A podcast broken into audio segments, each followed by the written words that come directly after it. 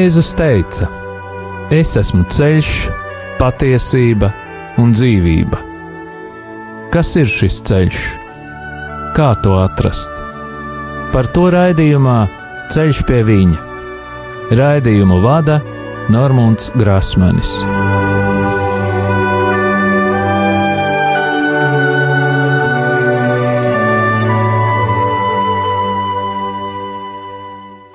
Lai ir slavēts Jēzus Kristus! Ir pienācis 2017. gada otrais piekdienas vakars, un atkal ēterā izskan raidījums Ceļš pie viņa. Vēlējos atgādināt, ka raidījuma e-pasta adrese ir ceļš pie viņa at gmail.com. Esmu pateicīgs visiem tiem cilvēkiem, kur atceras mani un pārējos radio Mariju darbiniekus, brīvprātīgos un arī ziedotājus savās lūkšanās. Vēlos pateikties katram klausītājam, kurš ar savām lūkšanām vai finansiālo ziedojumu atbalsta radio Marijas skanējumu ēterā.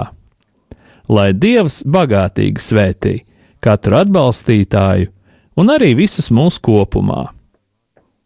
Pagājušajā raidījumā, kad runājām par cigunu, Teicu, ka sāksim iedziļināties austrumu, cīņas un pašaizsardzības metodēs. Šīs metodes dziļāk ir pētījis Mihails Prabhu, un redaktējusi viņa materiālu ir Erika Džibello. Es savukārt, vadoties pēc šīs grāmatas, jau daudz antikristi cēlušies, vadu šo raidījumu daļu par šīm maldu mācībām. Cīņas mākslās svarīgas ir kustības un pretkustības, sitieni un grūšana, kas kalpo pašaizsardzībai. Ķīniešu izpratnē vārds karamāksla ietver sevī divus vārdus - mū, kas ir karavīrs, un jēj, kas ir patiesības meklējumu ceļš. No tā izriet, ka jēdziens karamāksla ir tiek uztverts kā apskaidrošanās process.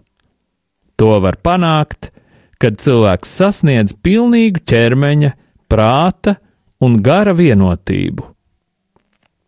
Cīņas sporta veidi koordinē apziņu un zemapziņu.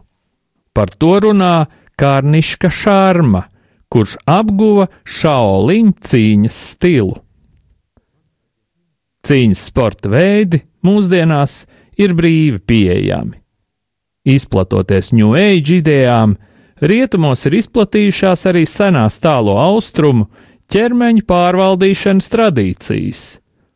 Tiek aktīvi reklamētas dažādas alternatīvās medicīnas metodes, audzināšana un cilvēku dzīves vērtību formas.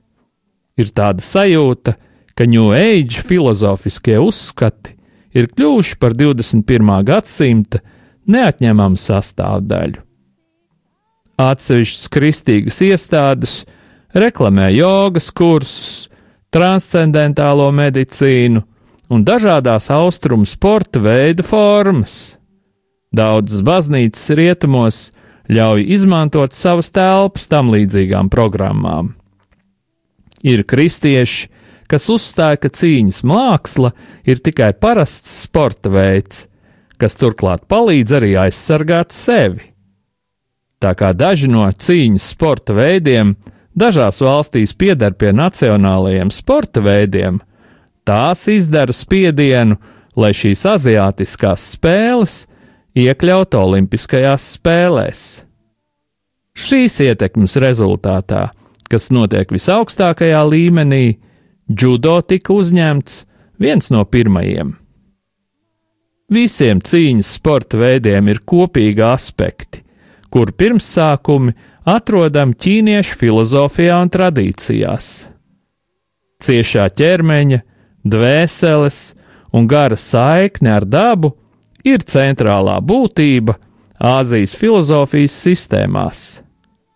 Jēdzieni iņ un jaņ ietver sevī dievišķā pāra spēku, kas nepārtraukti liek notikt kustībai visumā, kā arī dao, kas nozīmē harmoniju starp šiem pretējiem spēkiem.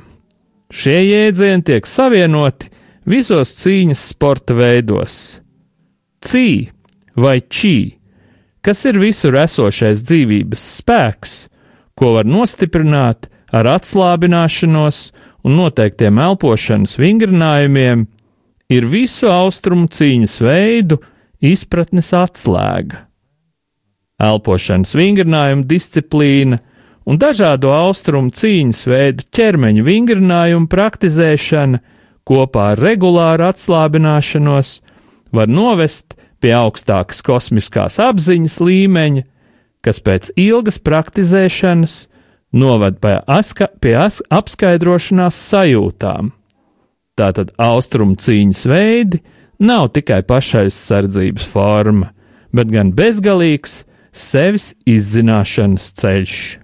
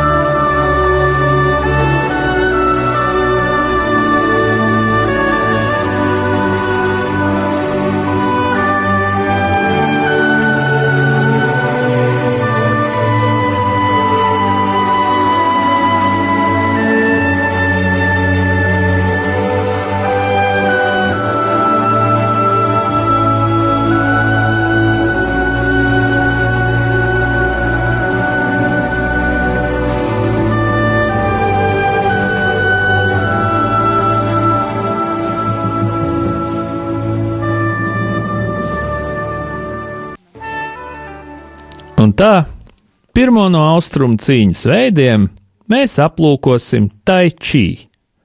To mēdz saukt arī par tai dzī. Šīs cīņas mākslas pirmsākumi ir meklējami vairāk nekā pirms tūkstots gadiem Ķīnā un balstās uz kung fu filozofiju.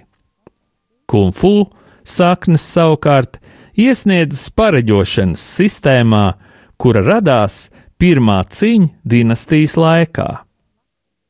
Tai Čī izveidoja Čans Senfengs, kurš dzīvoja 13. gadsimtā. Viņš praktizēja akupunktūru un savas zināšanas balstīja uz paša izveidoto Tai Čī sistēmu. To viņš attīstīja, balstoties uz maigo kungfu skolu. Leģenda apgalvo, ka viņš nav miris, bet turpina pastāvēt kā tīrs gars. Tradicionālā ķīniešu medicīna par jebkuras slimības iemeslu uzskata cī nepietiekamību organismā. Čī, tāpat kā cī, nozīmē dzīvības spēku, jeb universālo enerģiju, un tās iztrūkumu var izraisīt bloki meridiānos. Mēs jau esam runājuši par to, ka meridiāni pēc ķīniešu uzskatiem ir šķietami enerģijas ceļi cilvēka ķermenī.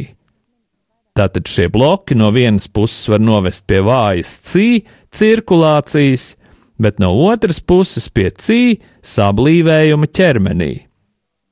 Tai čī, tāpat kā akupunktūra, cenšas stimulēt noteiktus meridiānu punktus, lai cī plūsma meridiānos kļūtu harmoniskāka. Ķīnā pastāv mājiņticība, kas tiek saistīta ar tai čī. Cilvēki tic, ka katra rīta nodarbības ar tai čī, kas tautas valodā tiek saukts par boks ar ēnu, aizsargā no ļaunajiem gariem, arī lai diena noritētu veiksmīgi. Džekija Pulengēra kundze, kur daudzus gadus dzīvo Hongkongā, savā grāmatā Pūķa medības stāsta, ka ķīnieši šos vingrinājumus tradicionāli sauc par cīņu pret gariem. Tai čī tā ir māksla neko nedarīt. Tiek uzskatīts, ka enerģijas plūsma pozitīvi ietekmē meridiānus. Šis ir gadījums, kad enerģijas plūsma notiek ķermeņa iekšienē. Par to mēs runājām pagājušajā raidījumā par cigunu.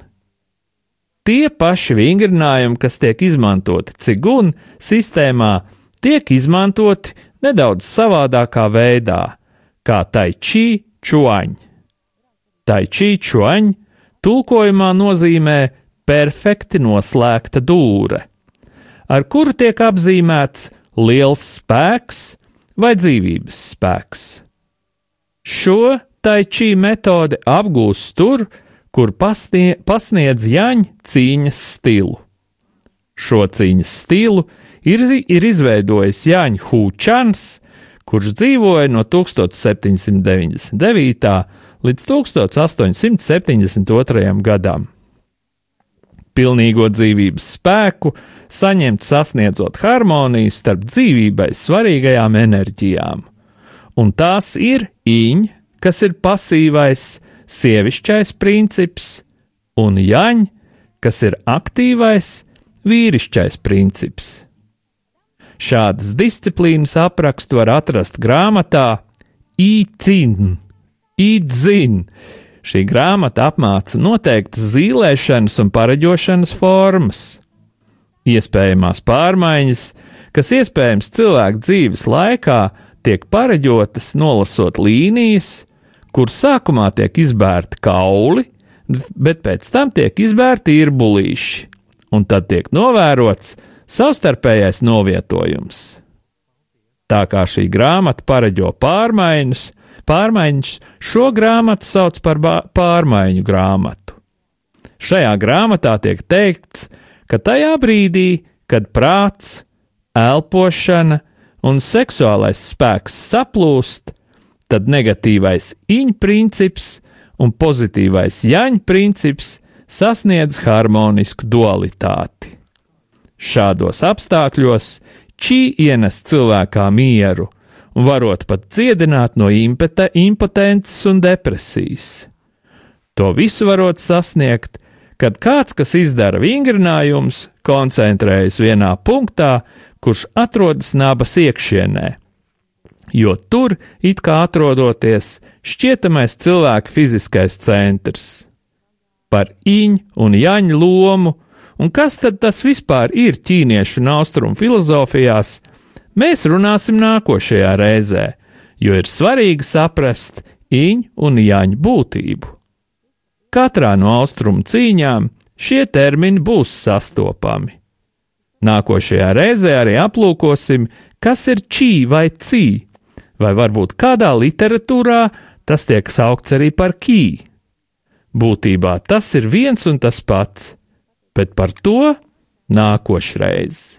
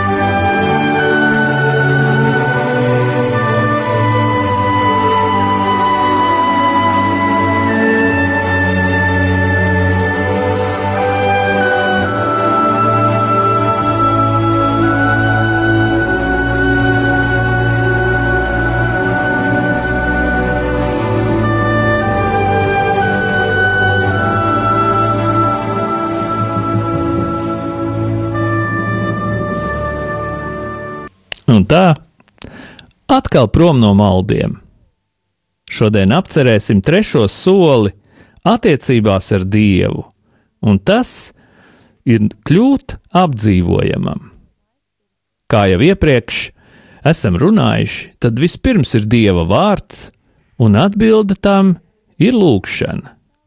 Tas ir veids, kā cilvēks kļūst svēts.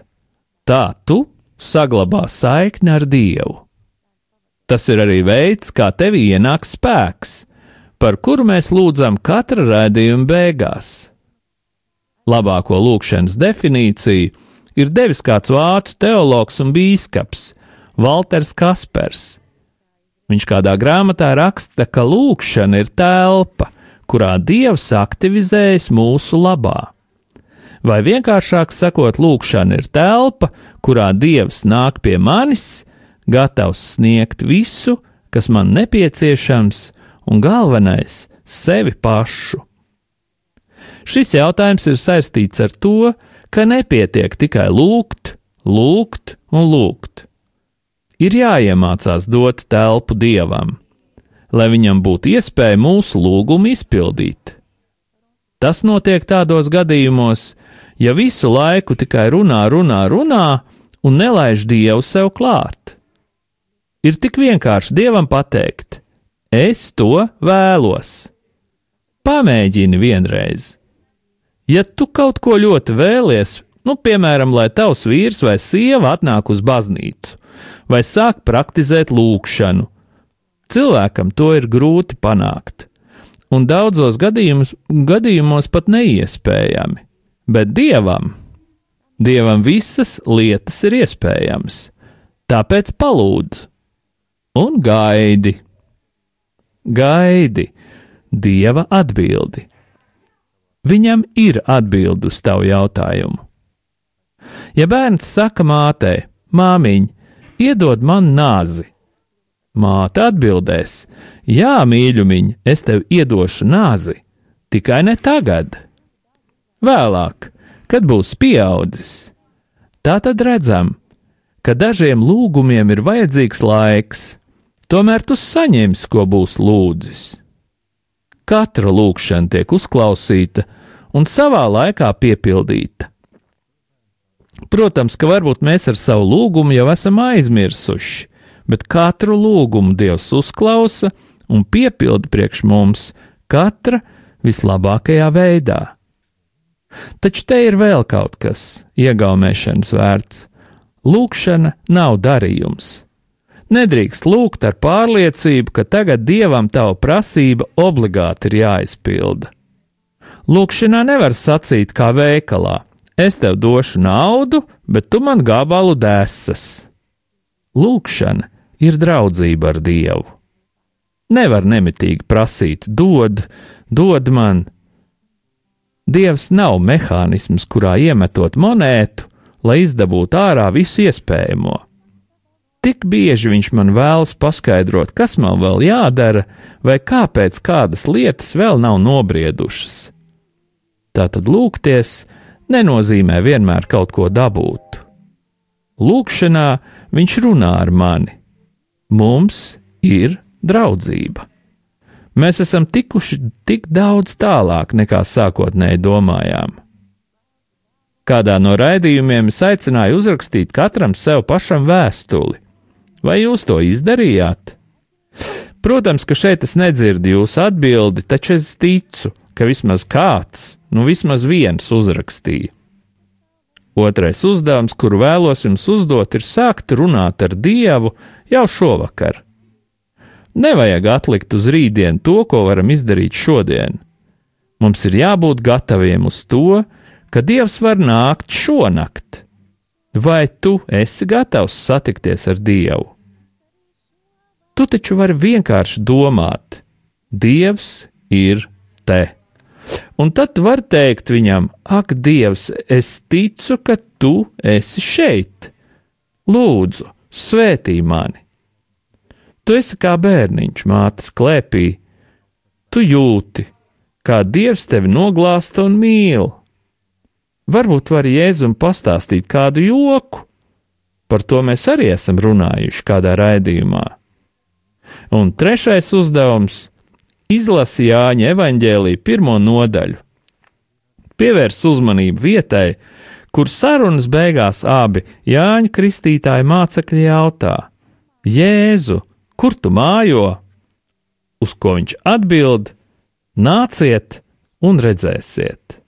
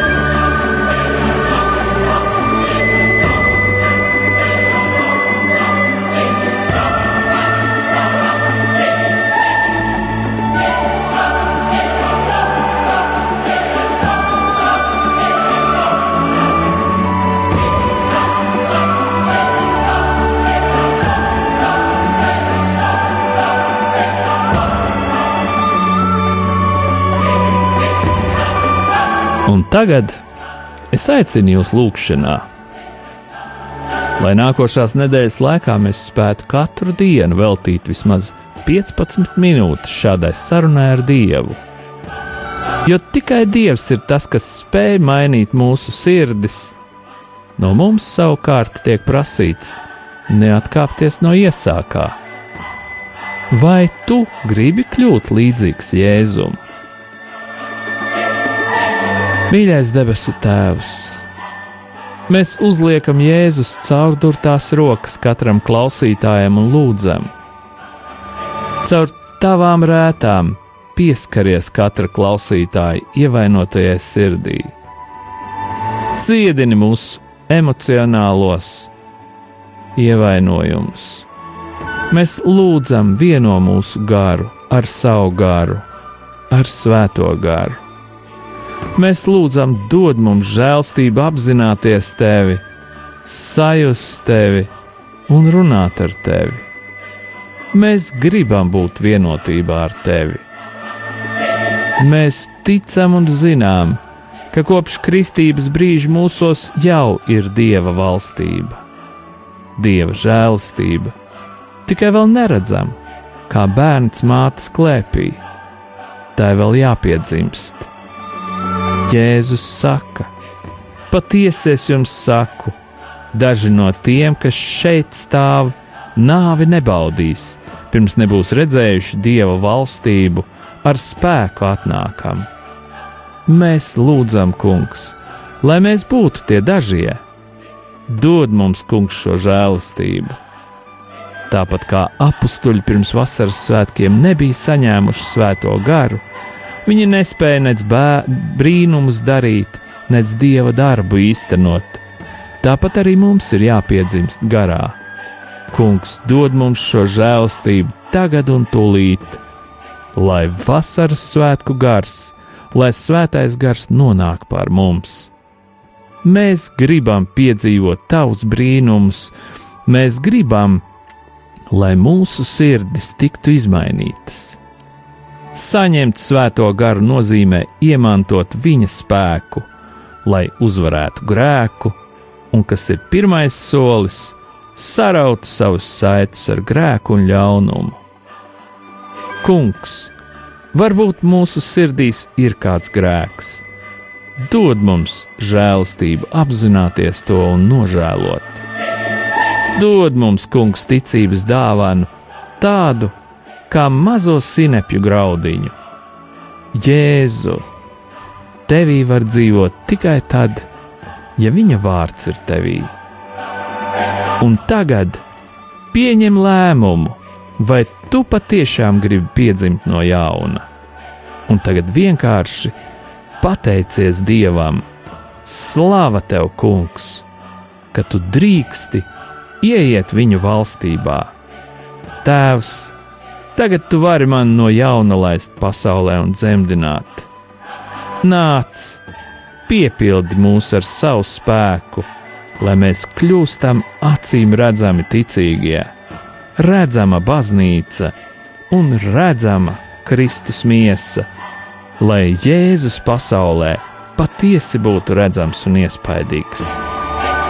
Es tev pateicos, Tēvs, par tavu garu un par tavu dēlu.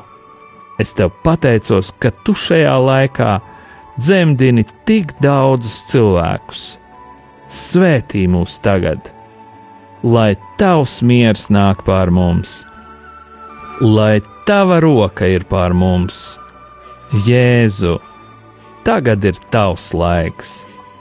Dari mūs jaunus, pieskaries mūsu sirdīm, mūsu prātiem, mūsu gribai, mūsu iztēlē.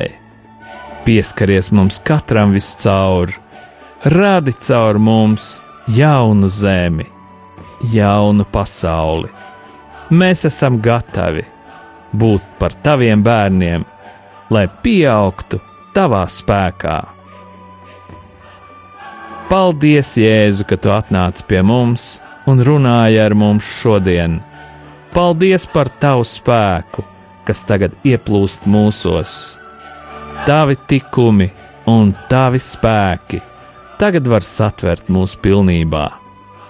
Mīlestība, cerība, paļāvība, ticība, uzticēšanās, drosme, iecietība, lēnprātība, pacietība, uzticība, miers un prieks. Paldies tev! Tagad mēs zinām, ka drīkstam būt tavi bērni. Mēs pateicamies par tavu spēku, par tavu garu, par svēto garu, par tavām dāvanām un taviem tikumiem. Paldies par jaunu prātu, par jaunu atziņu, par jaunu mīlestību. Un tagad saņemiet pāvesta Franciska svētību. Kungs Jēzu Kristu, lai ir pār mums, lai mūs svētītu, lai ir pie mums, lai mūs pavadītu, un lai ir ar jums un mums, lai mūs aizsargātu, lai mūs svētī Dievs Tēvs un Dēls un Svētais Gars, lai asinis un ūdens, kas izplūd no Jēzus Kristus sirds, izplūst pār mums, un lai šķīstī atbrīvo un dziedina.